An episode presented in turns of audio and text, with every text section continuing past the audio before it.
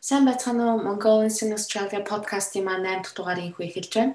Өнөөдрийн дугаараар career consulting чиглэлээр ажилладаг бизнесийн удирдлага, хүний нөөцийн чиглэлээр Charles Start их сургуулийн магистрийн зэргийг хамгаалсан эрдэнэцэгчтэй холбогдоод байна. Эрка ихч маань Мельбурн хотод нөхөр 3 хүүхдийн хамт 5 жил ажиллаж амьдарч байгаа. Сайн байна уу Эрка ихч ажил амьдрал сайн байгаа зү? Сайн уу цацаа. А за энэхүү подкастнда урьж оролцуулж байгаад маш их баярлалаа. Аа зүгээрээ манай подкастт орж байгаад маш их баярлалаа. Аа өнөөдөр бит хоёр ерөнхийдөө боловсролын талаар төлхөө ярилцсан. Тэгээд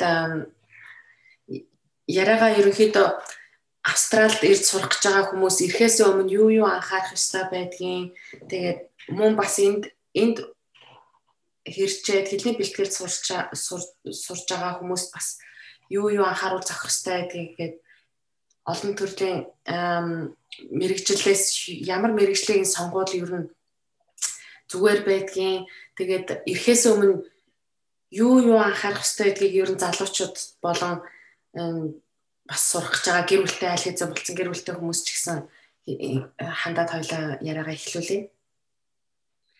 За тэгээ Тэгээд э, их гоё гинтийн урилга хүлээж авсан цацагтай бол би бинийг сайн мэдэхгүй шүү дээ тий.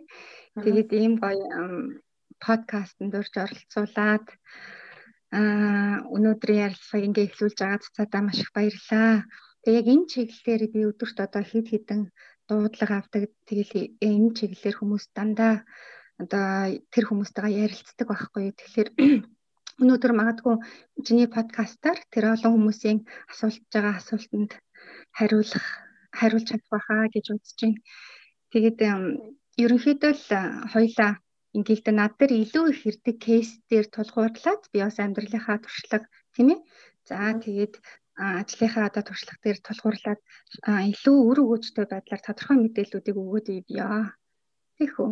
Аа за тэгээ яг над дээр ирдэг энэ асуулт бол карьер консалтинг гэдэг хүн бол одоо юу гэдэг консул одоо тухайн хүнд зөвлөгөө өгөхдөө тухайн хүний одоо зорилгыг нөхцөл боломжийг тэгээд шаардлагуудыг алигуу сайн бэкграунд тэр тухайн хүний бэкграундыг маш сайн судлах хэрэгтэй гэдэг.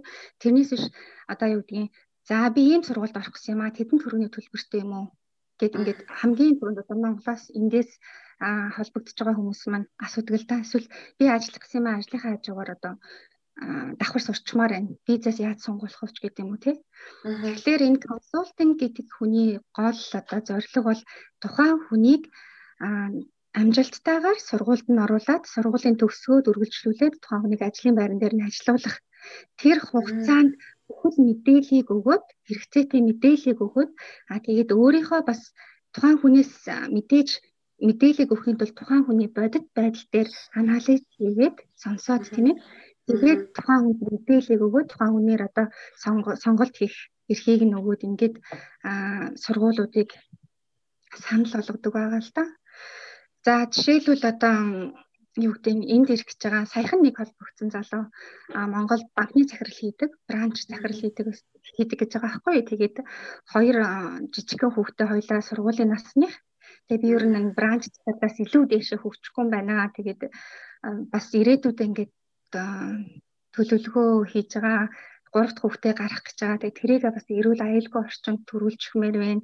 Дээрээс нь би ингээд бас захирал хийдэг учраас өөрөө өндөр сургууль их сургууль сураад төгсчихмөр байна тий. Энэ бизнесийнхаа чиглэлээр тэгээд ингээл хэлж байгаа юм л да. Тэгэхээр би хамгийн түрүүнд тухайн хүнд одоо маш өндөр зэрэглэлийн их сургуулиудыг сонгохоос өмнө тухайн хүний гэр бүлийг нь дахиад яриулах хэрэг гарч байгаа. За тэгээд гэр бүлд нь болохоор хоёр хүүхэдтэй тэгээ эхнэр нь одоо ирээдүйд төрөх гэж байгаа гэд асуудлууд байна. А тэгэхээр энэ дээр нь бодит байдал дээр анализ хийгээд байх гэхээр их сургуулиудыг танилцуул мэдээж. Тэгэхээр нөгөө залууч нь одоо яг бодит байдал дээр энд ирэхээр яах вэ? Тэр эхнэр нь төрөөд ажил хийх боломж болж байгаа. Тэгэхээр санхүүгийн тал дээр за их сургуулиудын нэгдүгээр төлбөрийг танилцуулна. За хоёрдугаар гэх юм бол их сургуулийн мастер коллежийн мастер юугаар ялгаатай тий. Их сургуульд орсноор чи ямар их одоо ачаал өөрөх чадвар чамд байна уу? За чадвартайгаас гадна чамд цаг байх уу? Цаг байхаас гадна хоёр хүүхдийн төлбөр дээр одоо байрны төлбөрөө эхнэрийгээ гэр бүлээ авч явах тэр зардал чамаас одоо гарч чадах боломжтой юу те чи тэр мөнгийг Монголоос авч ирэх юм уу эсвэл эндээсээ ажил хийж болох гэж уу гэд илүү одоо юу гэдэг тухайн хүн хичээл одоо сургууль үнтэй сургууль санал болох боломжтой ч тухайн хүн яг эмчээ ирээд одоо тухайн мэдээллүүдтэй байснараа бас юм а сургуулийн сонголтонд өөрчлөлт хийх боломжуудыг олгож байгаа юм л да. Тэгэхээр Австралид ерөнхийдөө бол бас өндөр өртөгтэй оронд орно шүү дээ тий. Аа. Тэгээд их сургуулиудын хувьд бол төлбөр за 28 мянгаас 100 до 20 мянган долларын орчим мастрын хөтөлбөрүүд бол төлбөртэй байдаг. Их сургуулиудынхаа 28 мянгаас 28 мянгаас тийм ерөнхийдөө л хамгийн бага төлбөртэй гэхэд за тэгчээд их сургуулиуд болохоор яадаг вэ гэхэлэр одоо за coursework энгийн жишээн дээр авъя. Master маань coursework, research work гэсэн ийм хоёр ангиллалтай. За coursework нь яадаг вэ гэхээр илүү одоо юу гэдэг ажил хийх боломж тухайн хүнд олгогддог байхгүй. Яг тэгэхээр 16 12-аас 16 хичээлийг сурч төгсчхөд тэр хичээлүүд дээрээ албагдaltaй ассessment-уудыг өгөөд өгөөд явцдаг гэсэн үг. За coursework нь болохоор нэг одоо юу гэдэг нэг сэдвийг аваад тэрэн дээрээ анализ хийгээд ингээд research work хийгээд явцдаг гэсэн үг. Тэгэхээр тухайн хүн тухайн одоо хичээлдээ цаг зарцуулж байгаа хугацаа нь илүү уртдаг. Нэг юм дээр удаан төвлөрөх болдог тийм ээ.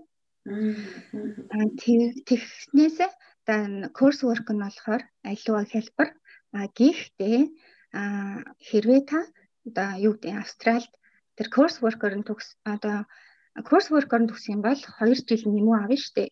Dependent одоо ажил их сургууль та их сургуулийн болов бакалавр болон мастрын боловсрлоос дээш одоо боловсрлыг та Австралид авснараа 2 жилийн үнэгүй виз авч байгаа гэсэн үг. А хэрвээ тухайн нөө research master хийх юм бол та яах вэ гэхээр 3 жилийн одоо үнэгүй виз та тий энэ мэрэгчлэрээ ажиллаа та одоо ажиллаа та дүнзөө сурцсан одоо та гэр бүлтэйгээ ингээд 3 жил Австралид байж болно гэсэн юм визийг өгдөг байхгүй юу? сургалтын дараах ингээд физик.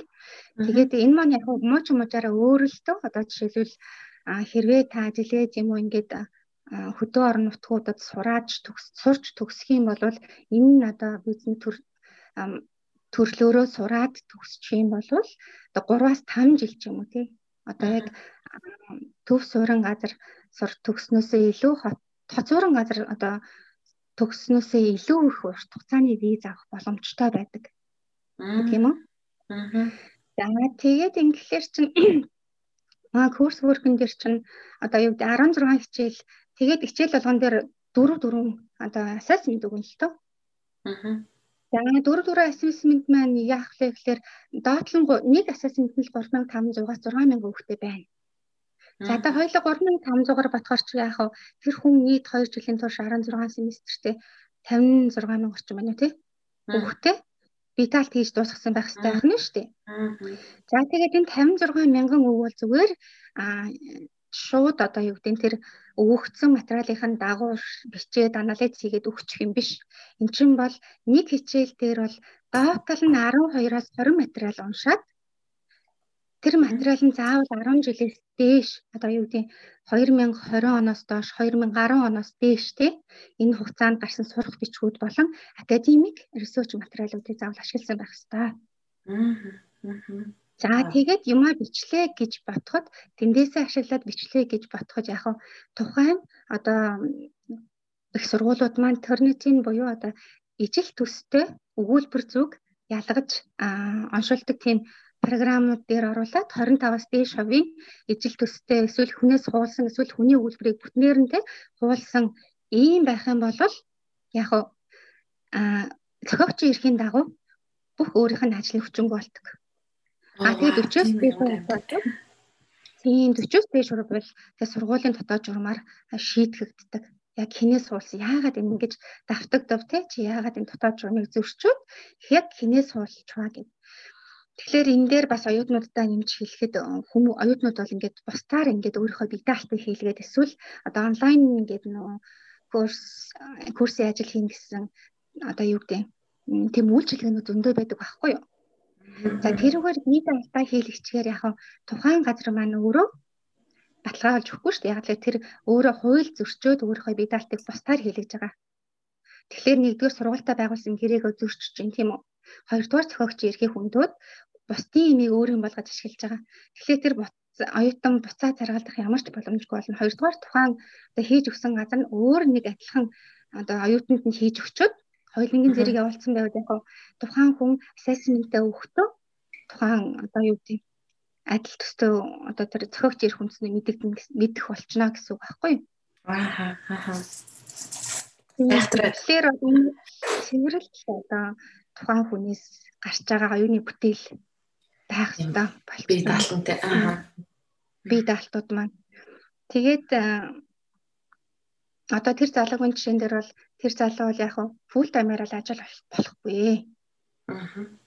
Их сургуулийн хувьд ч яагаад тэгэхээр одоо жишээлбэл би бас анх Монголоос ирэхдээ за би өстө очиод бүр үсрээл офс админ хийнэ гэдтэй гэл айгүй том бодолтой ирсэн. Тийм тэгээд бас яг амьдрал дээрээ буусан чинь их сургуулийн одоо хичээл сонголт бол нэг өглөө, нэг орой, тэ нэг өдөр хичээснэ гинтхэн 4 цаг дараалаад ч юм уу тий. Аа. Нөгөө дөрвөн өдрөл чинь өөр өөр хичээлүүд өөр өөр цагт орохоор ерөөсөө оюутанд маань өглөөний ажиллах цаг, оройны ажиллах цаг л болдог байхгүй. Аа. Аа. Тийм тэгэхээр тэр ажлууд нь голцоо юу байдаг вэ гэхлээр аа цэвэрлэгээ маш өглөө эхэлдэг үйлчлэгээний газар. Аа. Эсвэл бүр орой ажилдаг үйлчлэгээний газар л болж таарч байгаа. Аа. Тэгэхээр нөгөө офисын цэвэрлэгээ, янз бүрийн цэвэрлэгээ тэгэл шүн ажилдаг одоо юу гэдэг лээ? Фрут пакэжинг тий.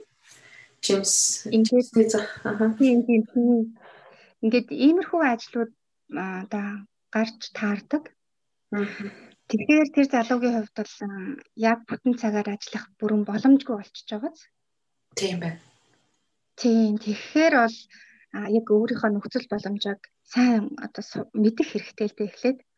За За тэгээд ажлын цалингийн хувьд болохоор за санхүүгийн хувьд хоёлаа ярихаар одоо сая түрүү жил 10 одоо нийт олон улсын оюутнууд хамгийн ажлын цалин хамгийн бага одоо рейт нь 18 20 3 байсан сая нэмэгдээд 1984 болсон байгаа. Гэхдээ энэ Австралийн ажлын хөлний хамгийн бага цаг хэмжээ гэдэг бол тухайн одоо индастри буюу тухайн үйлдвэрлэл тус болгоноос шалтгаалаад өөр өөр гардаг.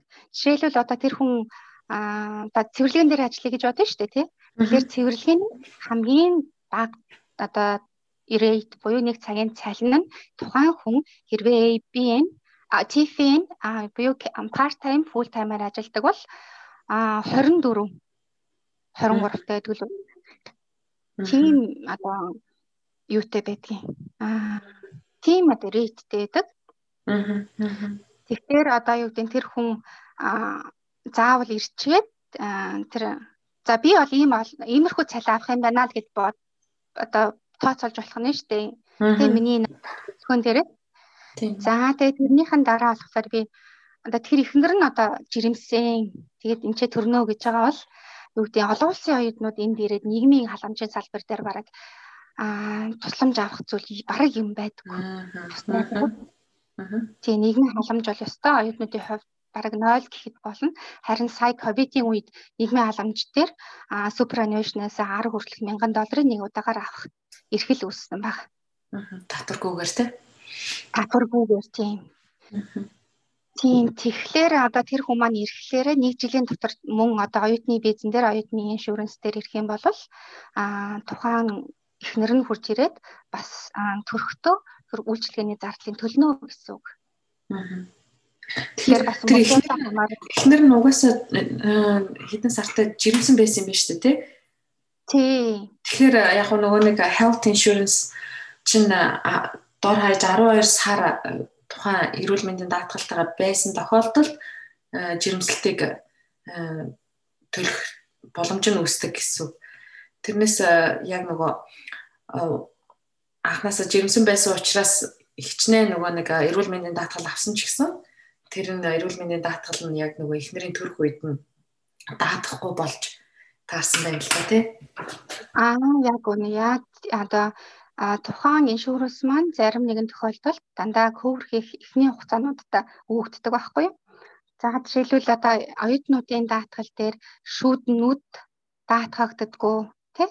За хэрвээ эмэгтэйчүүдийн тал дээр хүүхдийн тал дээр хүүхдэд төрүүлэхээр болвол та 10 тухайн даатгал хийлгсэн өдрөөс хойш 12 сарын дараагаар тухайн одоо хэрвээ төрөвл тэр төрөх үйл явцын төлбөрийг одоо тухайн иншурансээс нь бүрэн cover хийдэг ч юм уу. Ингээд энэ нь болохоор нөгөө нэг нийгмийн халамжтайгаа биш health insurance-тагаа private буюу одоо хувийн health insurance-тагаа холбогдоод явчихж байгаа байхгүй. Аа. Тийм тэгээд харин юу гэдэг нь тэр хүн маань за insurance гэснээс бас хоёлаа юу яриад тавьчих. Health insurance-наас гадна тухайн хүн маань одоо аа тэр залуутай холбоогүй юм яриа л да тий. Хэрвээ тухайн хүн маань эндээ эмчээ ирчгээд үйлдвэрлэлийн ослоор ч юм уу эсвэл ажиллах чадвараа алдаад алдсан тохиолдолд. Аа энэ маань одоо юу нь аа тухайн байгуул одоо тэр TFN-ээр ажиллаж байгаа тохиолдолд TFN-д одоо жишээлбэл Монголд бол нийгмийн даатгал чинь өөрөө дотроо одоо аа тэтгэврийн даатгалд 8.5% аа одоо чи юу гэдэг лээ тийм аа одоо үйлдвэрлэлийн осолд бол аа ажил олгогч бас 0.8-аас 4.8% ч гэдэг лүү те За ингээд олон төрлийн ингээд даатгалууд маань нийлээд нийгмийн даатгал болдог штэ. Хэрвээ ажлаа алдсан тохиолдолд та 0.2%-ийг нийгмийн даатгалаас авнаа гэл ингээл яг тэрнтэй адилхан а тухайн байгууллага маань тухайн одоо чифэнээр ажиллаж байгаа хүнийг үйлдвэрлэлийн осол бас ингээд шууд төр нь бүх юмыг даачдаггүй тэр нийгмийн даатгал иншүүрэнс хийж байгаа газар маань одоо дандаа хувийн даатгалууд том том даатгалууд байдаг. Тэгээд тэр даатгалуудаасаа 80 хүртэлх хувийн одоо хөдөлмөрийн бүтэмжээ алдсны төлбөрийг авч болдог. Энэ нь болохоор заавал одоо оюутан гэхгүйгээр бүхэл хүмүүс оюутан орно бүх хүмүүст үйлчлдэг. Тэгэхээр хин нэгэн үйлдвэрийн осол дээр гинцэн тохиолдолд та нар минь тэрийгэ заавал те мэдэгдэж яг тэр үедээ тэгж тухайн одоо хүмүүстэйгээ холбогдож супервайзертаа заавар тэмдэглүүлэх ёстой байдаг. Үгүй болвол тэр маань үйлдвэрийн осол дараад нь иншүрэнсийн гадраас ирээд хүчингү болдог тийм ээ. Яг л тэр одоо бэрцэн гинцэн газартаа супервайзераа дуудаад за яг ингэжсэн чинь ингэж гинтлээ гэд ингээд яг тухайн өдрөө байгуулгын тэмдэглэл хийж авснараа юу гэдэг тухайн одоо иншүрэнсээ клайм хийхэд хэрэг болдго юм аа гэмээр. Тэгээд тэрнээс гадна манай оюутнуудын бас нэг мэддэг юм болохоор Австралийн супер бол бүгдээрээ төлдөг шүү дээ тий ТФН-ээр ажиллаж байгаа. Аа Тэгэд Австралийн супер болохоор бидний одоо юу гэдэг нийт хийгдэж байгаа иншуранс маань 85%-ийг cover хийдэг байхгүй хэрвээ бид нэр одоо ажлаа алдсан тохиолдолд орлогоо алдсан тохиолдолд орлогын орлого алдсны 85% хүртэлх cover-ыг төлнө гэд. Тэгэхээр та хэрвээ одоо ажлын бүтэмжээ ажил одоо ажлын байран дээр гэмтээд а тухайн ажлыг хийх боломжгүй болоод орлогоо алдсан бол тухайн иншүрэнсээс ч одоо 80% хүртэлийг төлнө гэвэл та үлдсэн 5%-ийг яах нь Австралийн суперс авах боломжтой гэсэн үг. Аа. Аа. Тийм. Айгуу тий. Тэгэхээр айгүй хэрэгтэй мэдээллүүд хэрэгж байгаа манайхаа та бүгд энэ талаараа сайн дахиад давхар сайн судлаад ийм юм байд юм биш үү гэдгийг мэдэж аваарай. За. Тэгээд дараагийн асуулт нь хоёлаа за ерөнхийдөө инглээ. Хоёлаа ерөнхийдөө ингээл энэ эндээс нь ингээл цохос яриад явчих. Одоо хоёулаа нэг шалгалтын талаар ярих гэж бодож байна. PTE IELTS хоёр шалгалтын ялгааг бас та өөрийнхөө нэг тайлбарлаад бас хүмүүст хэлж өгөөч. Тэгээд бас анх бас та англи хэлээ яаж сурж бай. Тэгээд таны арга барил бас хүмүүст бас хэлэх аргаар арга барил байвал хэлж өгөөч. Хэлж өгөөч англиар сурах. сайн эсвэл хэцүү асуулт байна. Зарим хүмүүс нэг юм хэл сураад ч тэгээд нэг юм авьяасгүй хүн гэж байдаг шүү дээ. Би хад ерөнхийдөө яагаад тэгэхээр мэдгүй ингээд бүр хожмоо англи хэл сурсан. Орос хэлийг төрүүлээ сурч байсан 10 жилдээ те. Тэгэл тухайн үедээ сурж ингээл төгссөн одоо 6-аас 10 4-р ангиас баг 10 10-р анги төгслөө сураад төгссөн. Тэгээд дараад нь одоо бүр юу гэдэг 2000 сургуулаа төгсчхөөд би Монголд бизнесийн их сургуульд багшлж исэн л да мастера хийж явахдаа. Тэгээд би харин ерөнхийдөө харин хүний нөөцийн чиглэлийг сонгож аваад бизнесийн чиглэлийг сонгоод ингээд Ирланд руу явж исэн. Тэгээд Ирландд очиод англи хэлээ анх сурч исэн. Тэгээд юу гэдэг ингээд цаад айгүй олон жилийг ингээд яг тогтсон хэлээрээ хэллэгээрээ яриад сурчсан болохоор одоо ч гэсэн би ингээ англиар ярихлаар наад миний акцент бол ерөнхийдөө л ер нь нэг ингээ хорс акцент руу орчихгоо тий. Ер нь бүдэг бадаг ер нь ингээд айриш акцентлууд орж явах шиг ингээд яг нөгөө нэг туулсан замаараа гэдэг. Шиг энэ цэвэрхэн акцент ханддаггүй тий. а тэгтээ яг бол хэлний сурахын хувьд бол а одоо яг ингээд ажлын хувьд тэгээ дээрэс нь олон ингээд сургууль сураад ирэхээр тухайн хүмүүс өөрөө ингээд маш анзаарахтай болдог. За би ямар дүрм дээр яаж ажиллаж байна. Одоо жишээлбэл сүүлд би одоо Accor Hotel гэдэг дэлхийн 300-аад улсад салбартай тийм групп компанид дадлах хийсэн л тээ.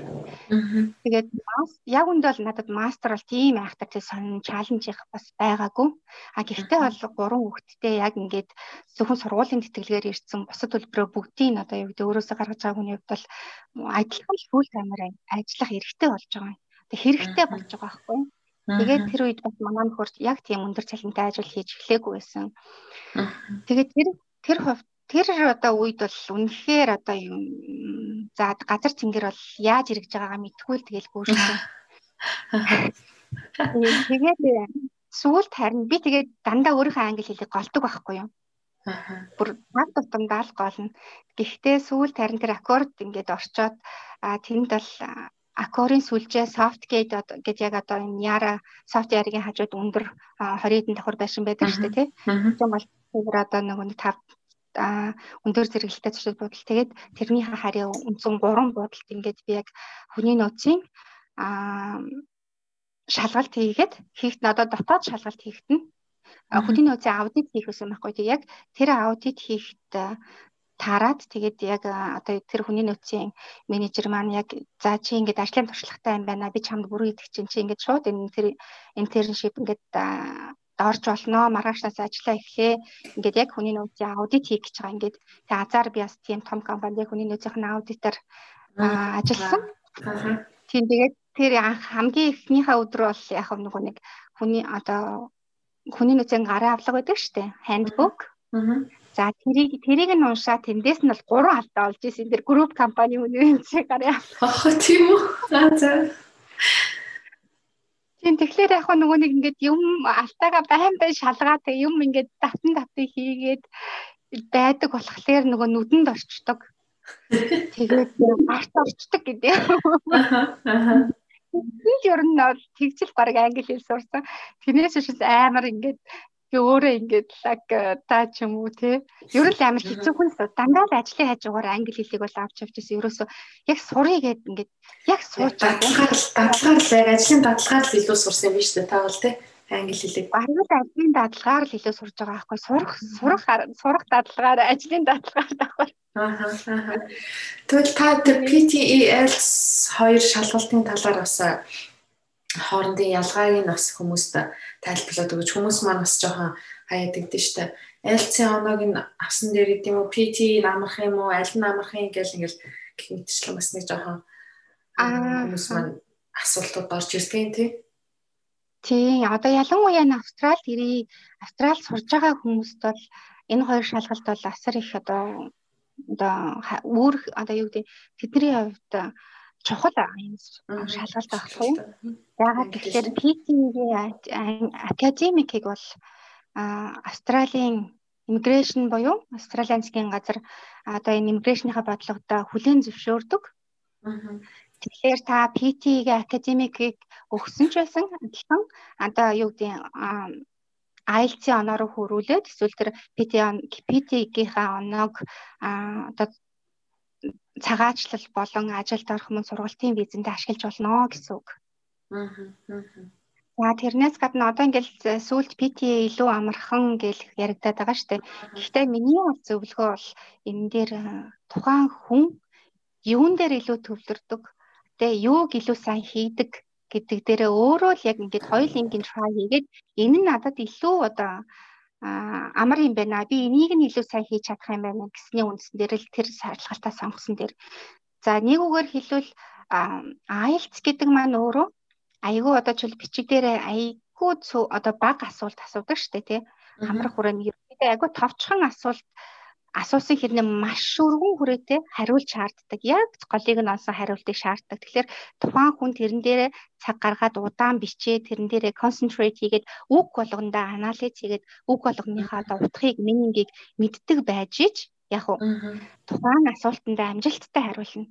А гэтэл PT гэдэг бол айгүй олон жижигхэн тасктай яг л адилхан дөрвөн үндсэн таск нь байгаа мөртлөө тэрэн дотроо айгүй болон жижигхэн таскнуудтай жижигхэн асуултнуудтай маш бага одоо юу гэдэг асуултандаа хариулах тийм requirementтэй.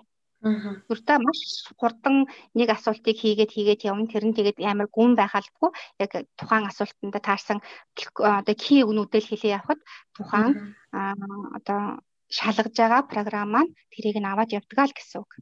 Тэгээд сүүлд PT-ийн PT гэд эн чинь болоо өөрөө а оюутнуудын одоо сурах одоо нийт англи хэл сурж байгаа хүмүүсийн англи хэлний төвшин тогтоохол ийм үнэлгээ шүү дээ тийм ээ. Тэр үнэлгээгээ а өөрчлөлт оруулаад 2020 оны 12 сар орчим баха.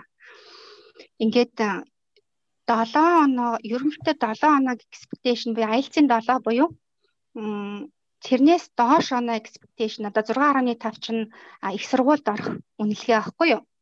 Хэрвээ та 6.5 бол одоо юу гэдэг мастерт орох эрхтэй болно гэсэн үг ихтэй. А зарим төрлийн мастер бол 8-ыг IELTS 8-ыг шаарддаг. Тэр нь юу вэ гэхээр одоо цэцэрлэгийн багш ч юм уу та нарийн мэрэгжлийн а одоо мэрэгчлүүд арай өндөр оноо шаарддаг. А тэгвэл тэр 6.5 оноог та авах гад IELTS өгж байгаа бол PT дээр тэр хүмүүс тохирсон илүү бага оноо санал болгосон. Аа. Тийм тэгэхээр компьютер дээр хурдан ажиллаж чаддаг. Тэгээд үгээ цэвэрхэн хэлдэг, маш сайн одоо memorize буюу одоо цээжлэх чадвартай. Ийм хүмүүст бол PT маш боломжтой тохирсон. Тэгээ 6.5-аг ер нь авах гэж байгаа. Тэрнээс доош авах гэж байгаа. Одоо жишээлбэл 480 та буюу а одоо их сургууль төгсөөд авдаг 2 жилийн визэндээ дахиад нөгөө хүмүүс маань шалгалт өгөх хэрэгтэй болдог байхгүй юу? Тэгэхээр тэрэн дээр IELTS-ийн 6 буюу 50 оноо авах хэрэгтэй болтгоо. Тэгээд тэр оноог авч байгаа хүмүүс бол энэ маш богинохон хугацаанд бэлдээд их их нь одоо бас ингээд амжилттайгаар тухайн оноогоо авч байгаа юм одоо яг амьдрал дээр болж байгаа жишээнүүдийг харж байна л та. А IELTS бол 6.5-аас дээш ер нь 7 оноо авна гэдэг бол жоохон хэцүү шүү дээ тий. Тийм. Тэгэхээр нэг юмдаар илүү төвлөрдөг, үгийн баялаг маш сайтай. Тэгээд юу гэдэг юм а анализ сайн хийдэг, бичихийн чадвартай байвал та юу гэдэг да IELTS-ийг сонгоо. Аа тэгээд гэж л одоо хэлнэ да. Тэгээд гэхдээ хоёулынгийн та та бүхэн өгөөд үзээрэй. Тэгээд аль аль нь онлайнаар өнгөө мог хэлсэн зөндөө байгаа. Тэгээд тэрэн дээр өөрөө ажиллаад За би бол энэ дээр өсөг бүтгэх юм байна. За болох юм байна гэж. Тэгэд PT бол илүү стратеги дээр суурилдаг. Тэр стратегид ерөнхийдөө 7-оос доош оноонд бол маш сайн нөлөөлдөг. А мэдээж 8 9 оноод хоёулаа хэлний өндөр төвшний академик мэдлэгтэй байж ижил тэр оноог авах болохоос яг ийм стратеги хэрэглээд 8 оноо авчин гэсэн ойлголт бол ерөөсөй байхгүй. Тийм PT дээр ч байхгүй. Тэгэхээр та маань бас тэрэн дээр анализ хийгээд тухайн шалгалтуудаа сонгох хэрэгтэй хаа. Аа. За анх Эркагч Австрали хэдэн онд ирж исэн бэ? Тэгээд Ирландд бас манай Эркагч маань гэр бүл гэр бүлтэйгээ хамт 5 жил амьдарч исэн. Тэгээд ер нь Австрали улсын давуу тал Ирланд хоёрын ялгаа бүр бүр тэр дундаа Мельбурн хот маань юугаараа давуу талтай байна. Та өөрийнхөө зүгээр туршлагаас ингээд бас хуваалцаач Ирланд, Австрал, Мельбурн хотыг ингээд харьцуулж. Аа за. За, Мельбурн Ирландд байхдаа Ирланд бол ерөнхийдөө Ирланд, Австрал хоёрыг бас өөрийн нэлээд харьцуулсан л да. Энэ дээр болохоор би татврын хувьд Ирланд бол нөгөө нэг одоо би сургуулийнхаа төлбөрийг төлнө тийм үү? Эмчид үзүүлнэ. Тэрийгэ буцаад tax back climber авах хэрэгтэй гэдэг байхгүй юу? Тэгээд Австралид ирээд тэрийг мдээгүй надад тэрийг хин ч хэлээгүй би тэрийг өөрөө ч судлаагүйсэн. Тэгээд аа би бас татвараараа хідэн төгрөг буцаагаад авчиндаа хүүхдүүдээ ч гэсэн те би чи ингээд би одоо тэр өндөр үнэтэй их сургуулийн төлбөрийг төлж гин дараад нь манай хүүхдүүд төлж гин тэгээд аваа мөнгө буцааж авах байхтаа гэд ингээд татврын хүмүүстэй уулзсан явсан чинь өө наад чинь бол лагшри амьдрал тий юу татврын мөнгө тийм.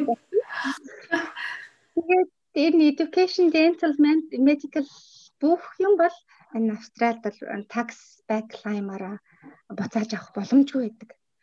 Одоо жишээлбэл tax гэж яриул бас нөгөө хоёлаа нөгөө жишээн дээр ч гэсэн үргэлжлүүлээ тэр хүн ч гэсэн бол тэр энэ одоо tax системийг мэдэх хэрэгтэй байхгүй тий.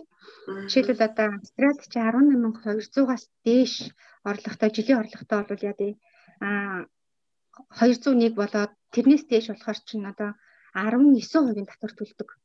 Тэ? Гэтэл Ирландд бол яг 36 мянган евроогоос эхэлдэг. Тэгэхээр чинь хоёрын хооронд бас их ялгаа байгаа. Тийм тий. Тэгээд энэ одоо манай нийт монголчууд маань ерөнхийдөө л бол зайлвал нөгөө яг гэр бүлэрээ ирсэн тул та өөрсдөө амьдралыг cover хийж чаддаг.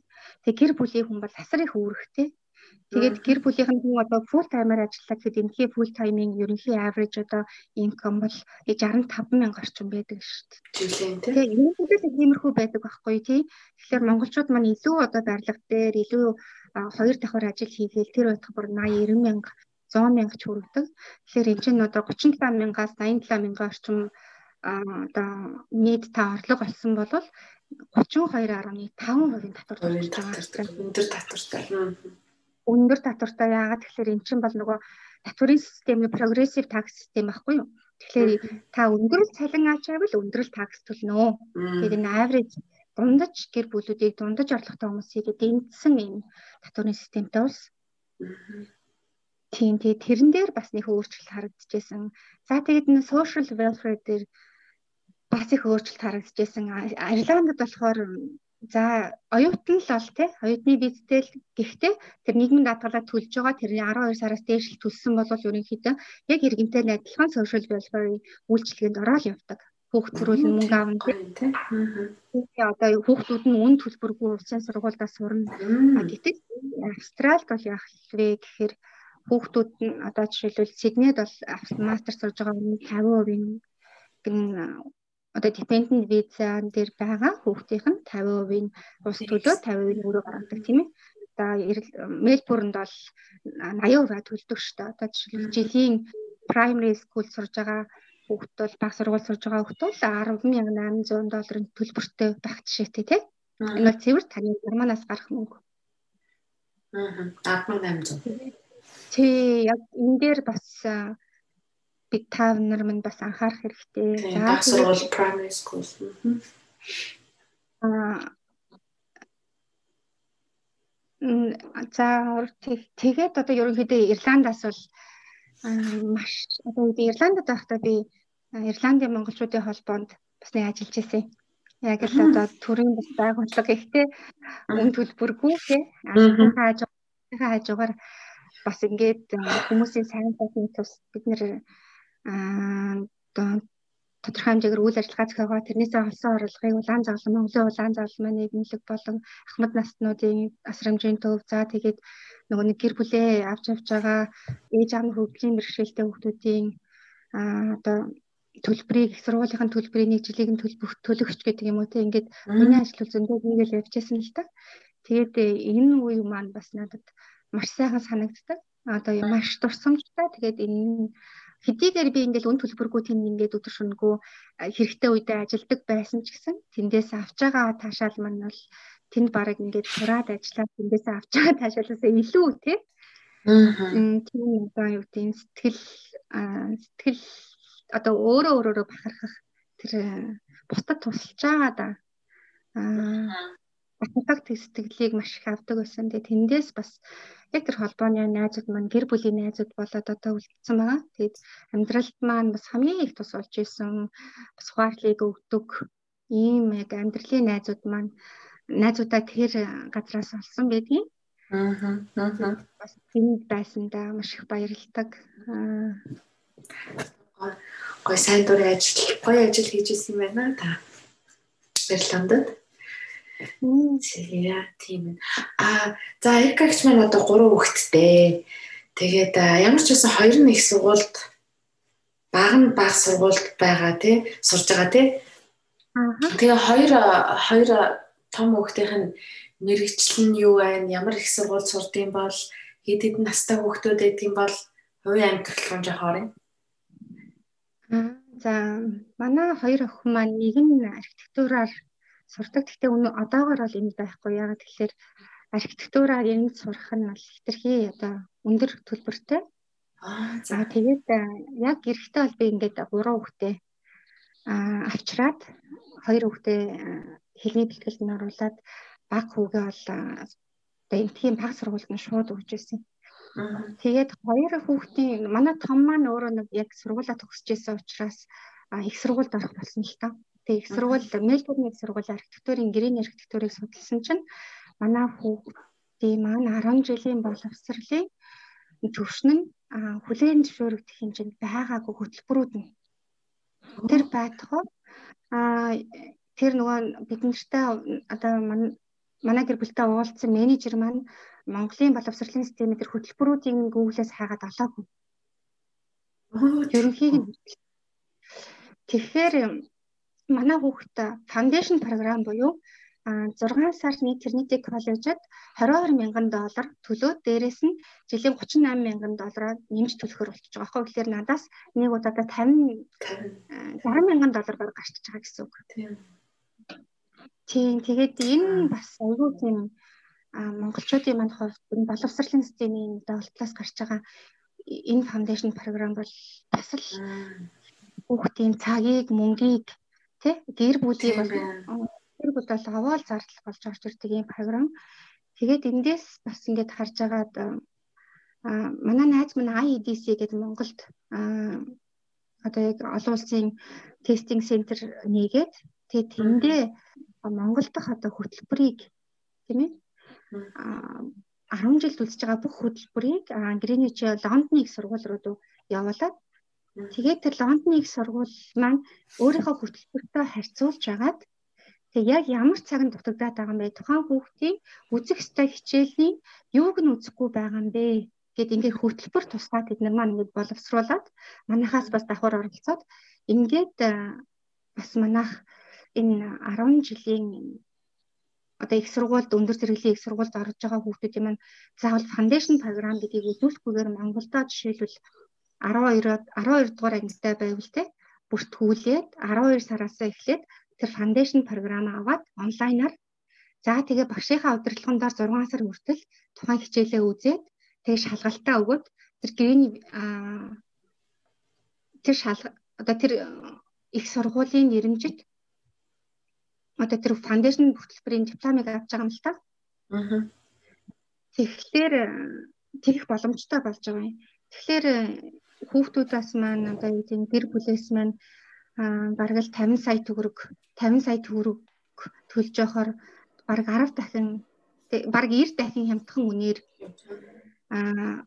эх орондоо тэгээд өөрөө сурж байхдаа гадаад багштай шууд интернетээр өөрийнхөө тэр foundation програмынхаа бүх хөтөлбөрийг үзээд дуусгах тийм нэг боломжийг нээсэн байгаа. Тэгэхээр бас энийг бас хэлвэл олон олон гэр бүлийн хүмүүст орол олон олон хүүхдүүдэд одоо 10 жилдээ сууж байгаа хүүхдүүдэд тус болох бах тий. Аа. Тэгэхээр тийм хөтөлбөр Монголд нэгдсэн байгаа. Тэгээ тэр хөтөлбөрийг бас сонирхороо гэж хэлмээр юм. Тэгэхээр энэ хөтөлбөр маань ялангуяа энэ дунд амьдралтай залуу гэр бүлүүд хүүхдүүдээ яг 10 жилээ төгсгөөд их сургуульд оруулчихъя гэл бүгд л одоо чармаадаг штэ тий. Өндөр их сургуульд явуулчихъя Тэгэд яг энэ дээрээс нөгөө бол Монголын боловсролын системийн тэр аа одоо юу гэдэг өөр боловсролын систем рүү харьцах харьцаа нь одоо арай хүрхгүйгээс тэр фаундейшн хөтөлбөрүүдийг авах төстэй болчихж байгаа байхгүй. Тэгэхээр бид нар бас энэ их мөнгийг гадаа урс гадна урсахгүй энэ их одоо хүч хөдөлмөрийг гадна урсахгүй Монголдо а энэ хөтөлбөрөөр олон улсын одоо бүх сургуулиудад төлөөлөл шөөрөгдөх тийм сертификатыг өгдөг болсон гэсэн үг. Тэгэхээр энэ хөтөлбөрийг бас сонирхвол надтай холбогдож байна. Аха. Тэгвэл эркагчтай холбогдож болно. Тэгээд энэ подкастынхаа доор би комментээр эркагчийнхаа холбогдох Facebook болон линкийг доор тавих болно. Тэгээд та бүхэн асуух асуултаа үл эркагчаас бас өөрөө асуугаарай гэж хэлье. За тэгээд хүүхдүүд гэснээс за монгол хэл монгол хэл яаж вэ хүүхдүүдийнх нь одоо хүн болгоно л одоо энд ирээд гадаадаар сурч амьдарч байгаа хүүхдүүд маань монгол хэлний асуудал эсвэл яаж зааж ийн монгол хэл хэр байна? Таны гурав. А ястаа наадах чинь бол э, үнэхэрийн одоо юу гэдэг м бас шууд хэлчих таамаглахын аргагүй бас хүүхдүүд чинь хурдан англи хэл сурд юм бэлээ. Аа тийм надад илүү сурч 2 жилийн дотор л манай хүү энд одоо нэгдүгээр ангид байхдаа ирсэн байхгүй юу. Тэгээд 10 хүртэл ердөө тоолж чаддаг. Аа. Тэгээд тийм хүүхдэл ирж исэн юм. Тэгээд энэ бидний ихээр чи англиар яргээд тэгэд би бас нэг амар том алдаа гаргасан нь а нэгдүгээр ангидаа энчээ ирэхлээр 6 сарын 30-наас хойш төрсэн бол жоохон нэг анги улирдаг. Улирдна гэж яг хуу нэгдүгээр ангид Монголдо байжгаад энчээ ингээд ирэхлээр манай хүүхэд 11 сар төрсэн болохоор 6 сараас 6 сарын 30-наас өмнө хойно төрсэн болоод дараагийнхаа одоо дахиад нэгдүгээр ангийнхаа талаас ингээд суучж байгаа байхгүй юу? За тэгсэн чи манай хүү бол нөгөө Ирланд төрсөн. Тэгээ Ирланд гэрчлэгээтэй байсан. Аа Тэгээд би бол эмнэлгийн сургалтын 10 жилийн системийг бол нэлээд суул гэж өөрөө ингээд сонссон. Тэгээ хүүхдүүдийг ерөөс шахаад ингээд яг ингээд өөрийнхөө тэг ингээд заачдаг, өөрийнхөө нь явуулдаг гэд ингэсэн болохоор би бас ингээд заавал англи хэлний бэлтгэлд оруулъя гэж бодоагүй. Тэгээд би явжсэн чинь манай хүний өдөр гів гинтхэн нэг өдөр жоох бараг сар гарan ингээд ланча идгээ болцсон өдрийнхөө хоолойд авч явсан зүйлээ. Аа хоолоо идэхэ болцсон. Тэгээд гайхаа. Тэгсэн чинь нэг л ингээл нүднийх нь цог буураад ер нь л агав сонирл ингээд өөр зүйл надад мэдрэгдээд харна би ингээд сургууль руу те ямар нэг юм болч юм яаж юм гэж ингээд асуусан. Бүгдээрээ зөвөр байгаа гэтгсэн. Тэгэхээр багштай нь ингээд цаг товлоод тэгээд ингээд манай хүнийг биш вэ наа ланча идэг ингээд баг сар гарan болчлаа ингээд ажиглаад тахаар би тантай уулзч болох уу гэсэн чинь дөө тэглэхгүй яхав гэх тэгээ шууд нөгөө хичээл тарсныхан дараа уулзсан чинь энэ намайг хэлтий дараа багш нь бас ажиглаж эхэлсэн л байгаа юм л та. Тэгээд наран болт ингээд ойлгох байгаа юм шүү. Миний ярьсныг ойлгохгүй байгаа. Танай хөвгт чинь ингээд англи хэл мэдтгүй юм шүү. гэт ингэсэн. Тэгээд тэрэндээс би бүр шокнд гараад Тэгээд дүнгэж 10 10 хүртэл тоолдог хүүхдээ шууд аваад нэгдүгээр ангийнхантай оруулаад тэгсэн чинь нөгөө яг хүүхдүүд чинь хоорондоо тоглохоор тэрийг ойлгохгүй шүү дээ тий. Аа. Тэгэхээр хүүхдүүд ингээд жоохон гатуурхаад тэгээ манай цацаа чинь өөрөө бас аа юугаар ажилладаг хүн шүү дээ. Туслах туслах багшаар тий. Аа. Тэгэхээр бас тэр нөгөө Уулийн гэдэр нь бас ямар хөө байдгийг гэж бас чамаар чамаас асуумаар л. Аха. За яг миний ажиллаж байгаа сургууль чинь болохоор яг э, одоо энэ Самбри гэдэг энэ хотод ер нь ихэнхдээ ерөөсөө австрал хүмүүс байдаг. Тэгээд барагтай гадаад хүүхэд бол байхгүй шүү. Гэхдээ яг хөө зүгээр гадаад гэдэг утгаар нь буулин хийх биш зүгээр хүүхдүүд ерөнхийдөө те дуугаа нэгнээс буулин хийх байдаг л та. Тэгээд яг тийм нөхцөлд бол би туслах багшийн үднээс бол багш эцэгч эцэгчүүдтэй бол харьцах үүрэг байхгүй ирэх байхгүй.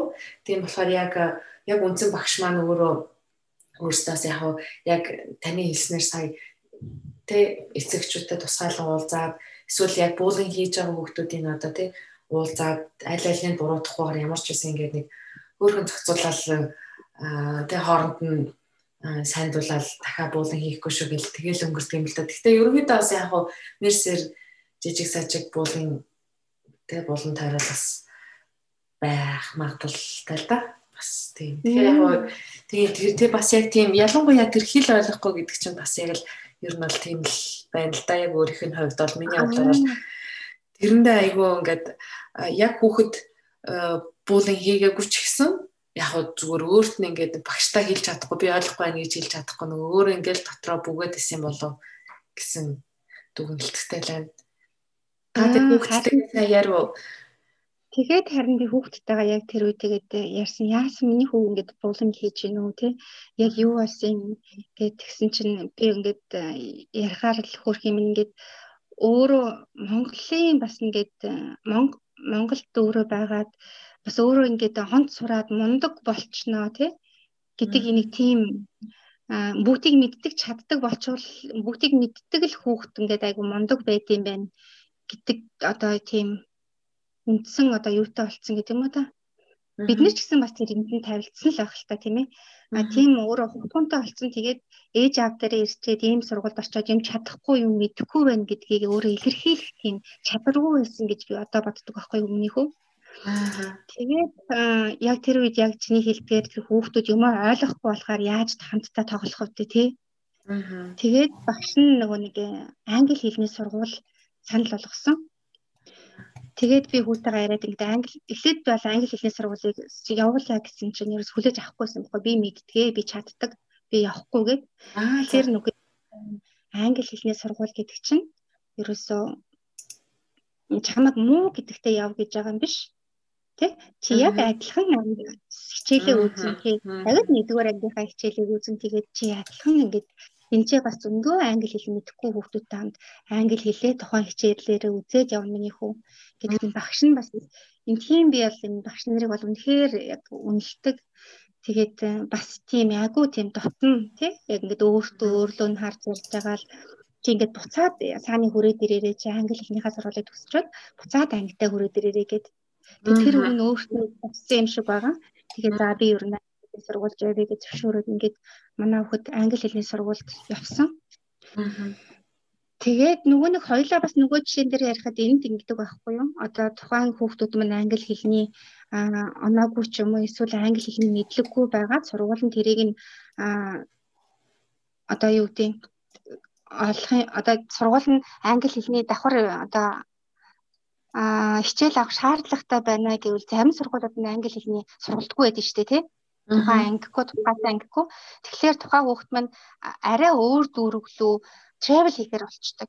Явхаар болчдөг. Өдөр болгонд тийшээ сураад одоо англи хэлээ яг тухайн төвшөндөө очтлоо. Тухайн ангитай хэрэглэгдэх англи хэлийг мэддэг болтлоо. Тухайн сургуультаа ойролцоогоор нэг 6-аас 1 жил 1 жил гарan яваад тэгээд яг төвшөндөө очдог байхгүй юу. Тэгэхээр бас явах гэж байгаа хүмүүс байвал одоо жишээлбэл ойр орчмынхын сургуулийн дээр яг та нарт нүүж очие гэсэн газар чинь англи хэлний бэлтгэлтэй юм уу гэдгийг бас харах хэрэгтэй юм билэ. Аа. Тэгээд англи хэлний бэлтгэлтэй юм уу бэлтгэлгүй юм уу дэрэгдээ англи хэлний сургуультай сургууль байвал илүү л тэ та нарт амар үгүй болвол заавал өөр дөрвөлөө өөр англи хэлний бэлтгэлтэй сургууль руу явах шаардлагатай болдго юм бэл. Ингээд манай хүү яг хагас жил яваад тэгээ буцаад ангидаа ирсэн. Тэгээд энэ дээр бол би яг энэ тийм одоо юу гэдэг боловсролын системийг яг үнд бол анх амар голж исэн. За би бүр яана баг ингээд хүүхд маань бүр англи хэлэл сурах байна. Тэгээд 2 жилийн дараагаар манай хүүхд англиар яар гэдэг байсан. Бид нэр сүлдээ уурлаа монголоор яар монголоор яар гэдэг ингээд бүр. Хүүхд рүүгээ баг тусгаашахгүй тэгээд яриад бид нар ч юм бол гэртээ дандаа л монголоор ярьж байгаа шүү дээ.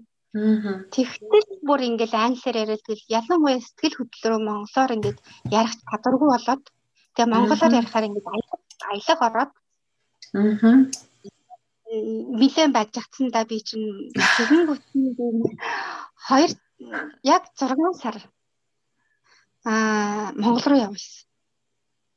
За. Буцааж яг нөгөө ангид нь очиулаад ангийнх нь багшаар хичээлийн заалгаад Ангийн санахаас өмнө 7 6 сард явуулаад тэгээд 6 сараас 7 сар хүртэл амраагаад тэр нэг оюун ухааны активын тэр нэг хуруу боддог юмд нь явуулаад төгөлдөр хууранд нь үргэлжлүүлж явуулаад тэгээд 9 сард хичээл аваад 8 сард яг багштай нь шалгалтын нөгөөд өөрийнх нь төвшин нь ямар байна вэ гэдгсэн чинь өөрөө бол дөрөвдүгээр ангид орох гэж байгаа хүчтэй тэгсэн чинь Монгол хэлнийхэн төвшин бол 1-р анги. Тэгээд математ одоо математикийн төвшин бол 2-р анги байна гэж гарч ирсэн байхгүй юу? Аа за. Тийм тэгээд яг тэр төвшөнд нь тааруулаад хичээл аваад тэгээд яг ангид нь оруулсан. Тэгээд одоо би тэр хүнд баярлаа гэж хэлмээр байгаа. Яг бид нар ингээд за бид танд ингээд private одоо хувийн одоо цагийг чинь авч байгаа учраас бид нэг цагаар нь мөнгөний төлөө гэдгсэн. Тэгээ сүүлд нь манай багш маань өөрөө ангитаа аваад ингээд заасан чинь яг дөрөвдүгээр ангид Монголд орсон чинь нөгөө англи хэлийг заад гэсэн. Тэгсэн чинь тэр ангитаа цааны маань өөрөө тэр англи хэлнийхэн туслах багшаар ажиллаад аа за ангийнхаа хүүхдүүдтэй англи хэлийг заагаад багшийнхаа ажил. Манай хүүг ярихлаар нөгөө Хүүхдүүд нь айгүй сүрхээ сурдаг гинэ. Тэгээ багшийг нь ярихлаар аа аа ингээд ингээд хүүхдүүд ингээд аха бидний ангийнх нь англи хэлтэй хамгийн өндөр оноо авсан гээд тэгээд одоо тэр цааны манай хүүгийн ангийн багш нь бол биднээс мөнгө аваагүй үгүй би зүгээр ангийнхаа хүүхдтэй л тусалж байгаа тий. Тэгээд энэ бол зүгээр миний л тус Тэгээд цааны маань гэсэн өөрөө бас цагаа зарцуулаад ангитай англи хэлсэн. Тэгээд багш нь их баярлж байгаа гэд ингээд манай хүү төгсөө. Тэгээд ясан 6 сарын дараа ирээд хэлэн гайгүй болсон уу? Тэгээд 6 сарын дараа ирсэн чинь монголоор маш сайн ярьдаг болсон байсан. Маш цэвэрхэн бичгтэй болсон байсан. Тийм үү. За би ер нь бас хүүхдүүд дээр туршмаар л юм биш үү? ерөнхийдөө бол одоо юу гэдэг юм бас тийм бас culturally одоо соёлын бас одоо юу гэдэг юм одоо Монгол соёл чинь бас бас нэг өөртөө ахмад наснаа хүндэтгдэг тий А энд болохоор манай хүүгээс бас амар өндөр эго ингээд би би би гэсэн юм онтогдоод исэн байхгүй юу. Сүүлдээ бүр ингээд хүний үгийг сонсохгүй. Тэгээд яг л та ээж бол бараг л миний найз те гэд ер нь ингээд нэг бид нар чи ингээд за тэгин гэж хэлэхээр э, хүүхэд бас ингээд тгий инингээ тахаар бас дуртай байдаг шүү дээ өөртөө өмнө оруулах гэд. Тэгээд тэр тэрийг бас их recognize хийсэн байсан. Гэхдээ сүүл рүү гал тэр бас хүмүүсүүд их буруу юм аа гэдгийг саяхан л би бас ойлгол хараал байгаа юм л та. Эндхийн одоо багш нарын харьцаж байгаа хүүхдтэйгээ харьцаж байгаа харьцаа бол үнэхээр хүүхдэд өөрийн гэсэн үдэг бодлыг төлөвшүүлдэг юм байна одоо өөрийн гэсэн өөртөө байгаа боломж нөхцөлийг зөв үнэлж чаддгийм байна. Тэгээд өөрийн гэсэн үднээс бусдад хандж чаддгийм байна. Тэгээд бусдад бас хүндэтгэлээ хандгийг давхар заадаг юм байна гэл энийг бас сүүлд саяхан би нэг одоо жил болоогүй дээ. Сайхан ээжигээ алдсан. Яг энэ коронавигийн үед. Аа. Тэгээд тээжигээ алдчихад тэгээ ерөнхийдөө бол өөрөө ч баг 21 эхнийхээ 21 оногтойг яасныг нь би ерөөсөө мэддэг. Өөрөө ч яг яаж юу ч хийжсэн тэрийг бол одоо одоо сандгүй. Тэгээ тэр үед бас аа өөрийгөө гэснээс биш хүүхдүүдэд бас нэг их анхаараагүй байна л та. Тэгээ яг хүүхдүүдтэй нэг цочирдуулахын тулд тэднэрээ хажууд бас их хүүхчтэй өмчтэй юм ярихгүй гээл тэгээ тэгэл айл болохоор тайван амгалан байх гал ингээ хичээгээд байсан боловч а хүү маань яг ингээд имэгэ нас орсноос хойш багш руугаа ангийнхаа багш руу мессеж үлдээсэн байсан. Багшаа би тантай ярилцах хэрэгтэй байна. Гэт. Аа. Тэгээд ангийнхан багш нь маргаашийн өдөр нь ярилцсан чинь одоо яг өрөөндөө байсан тэр үед чинь бүгд нэг онлайнаар болчихсон байсан. Аа ихчээсэн л сүлд асуухад те баг цаг гарan багштайгаа ярилцсан гэж байгаа байхгүй юу? Тэгэхээр надад ерөөсөө тэрийг илэрхийлээгүй бидний хиндэж илэрхийлээгүй гэж байна те. Хамгийн түрүүнд багш руугаа багшаа би ингээд эмээгээ алдцаан. Тэгээд энэ явдал нь нэг миний буруугаас болсон юм шиг надад тийм мэдрэмж төрөөд байна. Аа. Би ингээд энэнд ингээд буруутай юм шиг надад санагдаад байна гэж. Аа тийм. Тэгээд би л тэрэн дээрээс би ингээд үнэлтэйгэл багштайгаа бараг цаг гараа ярьсан. Тэгээд тэрэн дээрээс бас хараад би за энэ боловсролын системд нь л тэ хүүхдийг үнэхээр багшийг одоо багш биш менторшип гэдэг юм байна. Яг хүүхдийг өөрийнх нь нөхцөлд нь өөрийнх нь найз юм шиг харьцдаг юм байна. Хүүхдийн итгэлийг тэр олж чаддгийм байна гэж бас их давуу талуудыг яг амьдралынхаа одоо тийм шүү манай боловсролын системийн багш нар бол багш нар багш нарын туслахуудад бол их гоё найрсаг хүүхдүүдтэй яг ингээд найз үүднээс ханддаг шүү. Бас хандгагч заадаг сургадаг чинь тийм байна. За хоёулангийн ингээд ер нь ярилцлага ингээд дуусах төгөөл байна. Аркагчаа тэгээд сүүлийн асуултыг танд үлдээ та дутуу орхисон эсвэл карьер консалтинг чиглэлээр ч юм уу тэрний талаар дахиад нэмж хэлэх хөвч байд юм уу тийм байвал одоо хамгийн сүүлийн асуултыг танд үлдээ. Аа за энэ дээр би бас нэг э, боловсролын э, одоо эргэцэн шинжилгээ гэдэг одоо ингэ явагдаад байгаа байхгүй юу? Тэгэд энийг харахаар боловсролын эргэцэн шинжилэлтээр юу харагдаад байна гэхээр тэгш боломж гээд нэг үг орсон байгаа. Тэгээ тэгш боломжийг манай монголчууд маань яаж ойлгоод ийнвэ гэхээр тайлбарлаад ийнвэ гэхээр нөгөө боловсрал одоо disability буюу одоо тухайн хүүхэд маань одоо чадамжгүй бол тийм ээ ямар нэгэн төрлийн а тэгээд ядуу одоо тухайн хичээлийнхаа хэрэгслийг авах одоо жишээл интернетгүй орчинд сурж байгаа ч юм уу тэр хүүхдүүдийг тэгээд одоо хүчирхийлэлд өртсөн хүүхдүүдийг ингээд тэгш боломж гэдэг дээр яриад байгаа байхгүй юу. Тэгээ манай тэр шинжилэлтээр би бас нэг юм хэлчихэд а одоо жишээлбэл тэгш боломж гэдгийг бид нар бас арай өөрөөр харахаар болсон. Мэдээж тэр хүүхдүүд манай оролцоод явна. А тэгш боломжн дээр бид нар юу оруулж өгөх ёстой гэж харагдаад байна вэ гэхээр энэ одоо 5 дугаар жишээлбэл ингээд 5 дугаар ангийн хүүхд за манай Монголын боловсрал дээр бол за математиктаа сурах хүүхд бол тэгэл математик монгол хэлтэй сайн бол тэгэл олимпиад ороод юм уу тий ингээл за онц сураал онц сураал явцдаг. Математикаа ойлгодгүй хүүхд эсвэл зурагтаа сайн би нэмэртэй сайн хүүхд. Бас ингээл ерөнхийдөө цаашдаа ингээд сураад яг нэг ангид сайн нэр аваад ч юм уу тий ингээд явах нь бас хэцүү шттэ тэгэхээр одоо юу гэдэг нь жишээлбэл одоо Австралийн боловсролын системтэй харьцуулахад аа одоо нэг ангид жишээлбэл одоо 5 дугаар ангийн хүүхэд гэхэд математикын дотроо 5 левелтэй байгаа байхгүй юу? Аа. Левелийнх нь гэрээнд даалгавар нь бол аяйгүй жоох юм тий. За хоёр дахь левел нь нэлээх 3 дахь левел нь тэрийг 3 дахин нэмсэндээ 4 дахь левел нь 4 дахин нэмсэндээ 5 дахь левел нь болохоор 5 дахин нэмсэнтэй адилхан тийм одоо юу гэдэг зүгээр л өгүүлбэртлээ бодлогыг харахад л тийм одоо хэмжээтэй байгаад байгаа байхгүй юу.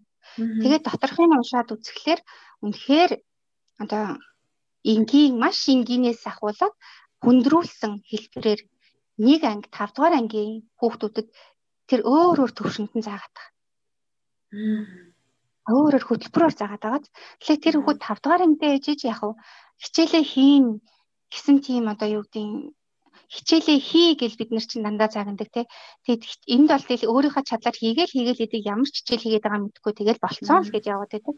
А тэр маань тэр хүүхдийг уудаахгүй, залхаахгүй тэгээд тийм ялгарлан гадуурхалд өртүүлэхгүйгээр тухайн хичээлийг нь ингээд халах анд хүртэл нь дотор нь ингээд англигдаад аваа яваад байгаа. Аа Тэгэхээр энийг бид нар бас ажиглах ёстой яа. Бид нар Монгол улс чинь угаасаа л их одоо дэлхий дээр л байгаа улс шүү дээ тий. Тэгэхээр энэ хотжил цууршмал соёлд олон жил болчихсон энийг хөгжүүлчихсэн хүмүүсээс авахын аваад Монгол руугаа буулгаад өөрөө өөртөө ингэж хөгжүүлээд явбал илүү сайн болов гэд нэг ийм юм хэлмээр санагдсан. Тэгээд дээрэс нөгөө татварын одоо жишээлбэл жишээн дээр ярихад аа одоо жишээлбэл 80 65 мянга full time-аар ажиллалтаа 65 мянган долларын одоо татвар төл татвар суудгах маань а ойролцоогоор 32.5%-ийн татвар та төлнө тий. Гэхдээ эндний татварын систем бол яадаг вэ гэхэлэр а одоо татврын систем дотроо хэрвээ та буйны байгууллага таньсан бол хэрвээ та ингээд а волонтерли өөрөө ингээд тусламжийн газар тандсан бол тэр дүнгээ өгсөн дүнгээ татварт нийт ногдож байгаа дүнгээсээ хасаад бодчихдог байхгүй юу? Аа. Тэгэхээр миний сонссноор нэг энд Хеско маань тэр нөгөө нэг ичидийн орон билүү те? Ичидийн орны төлөөлөгчөөр ажиллаж байгаа одоо хамтарч ажиллах хүмүүсээ хааж байгаа гэсэн. Тэгэхээр монголчуудад маань бас боломж байгаа шүү. Гэтэ та ингээд буцаад австрал татвараа буцаад төлөөд засгийн газарт бас оруулж болно. Тэр бол таны сонголт. Үгүй бол та ийм буйны байгууллагуудад Монголынхаа бас мянган мянган өрсөд туслахаар тэдний ирээдүйг гэрэлтэй болгохоор тий тэдний өнөөдрийн амьдрал ихтгэлтэй болгож байгаа. Тэр бас төрийн бас байгууллагууд олон улсын аудитор орсон гатламжтай тэр одоо итгэж болохоор тийм газруудад та бүхэн минь туслаарай.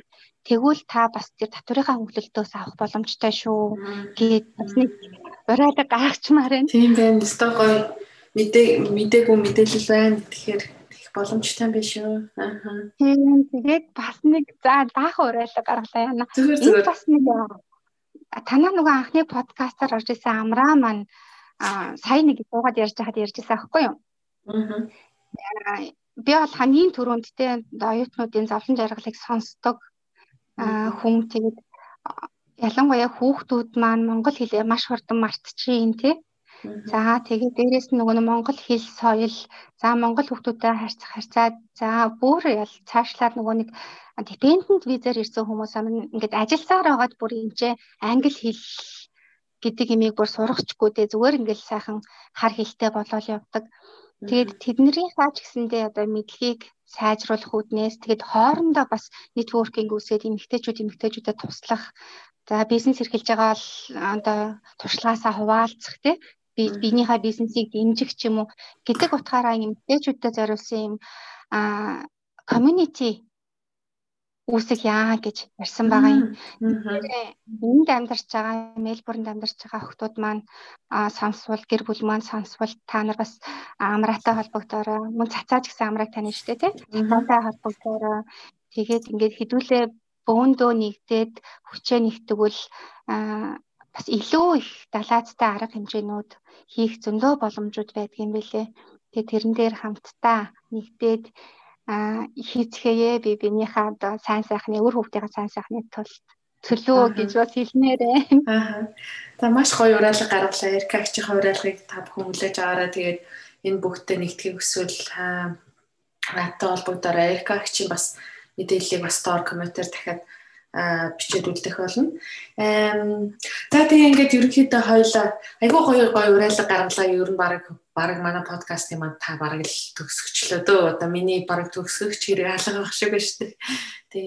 Тэгээ өстой гоё өнөөдөр уриалгахан хүлээж аваад энэ гоё ярилцлагыг хүргээд манай сонсогч нарт мдээгүй мэдээлэл зөндөө хүргэлээ. Боловсролын талаар тий тэгээ бас энэ бас хүүхдийн баг сургуулийн талаар гээд өчнөө гоё мэдээллүүд сайхан мэдээллүүд өглөө тэгээ дээрэс нь бас гоё уриалгууд гаргалаа. Тэгээ танд 2021 онд онд нь одоо амьдралт нь ажилд нь өндрөөс өндөр амжилтыг хүсэн ирвэ. Тэгээд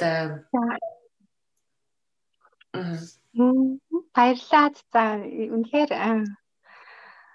гоё одоо бас олон хүнд хэлье гэсэн зүйлээ чамаар дамжуулж хэлж байна гэж бодож байна. Тэгээд энэ гоё боломжийг олгож байгаа. Бас ингээд өөрийнхөө цаг завыг энэ хүү одоо үйл ажиллагаагаа явуулахад зориулж байгаа чамдаа бас маш их баярлалаа. Чиний ажилд чи өндрөөс өндөр амжилт хүсье.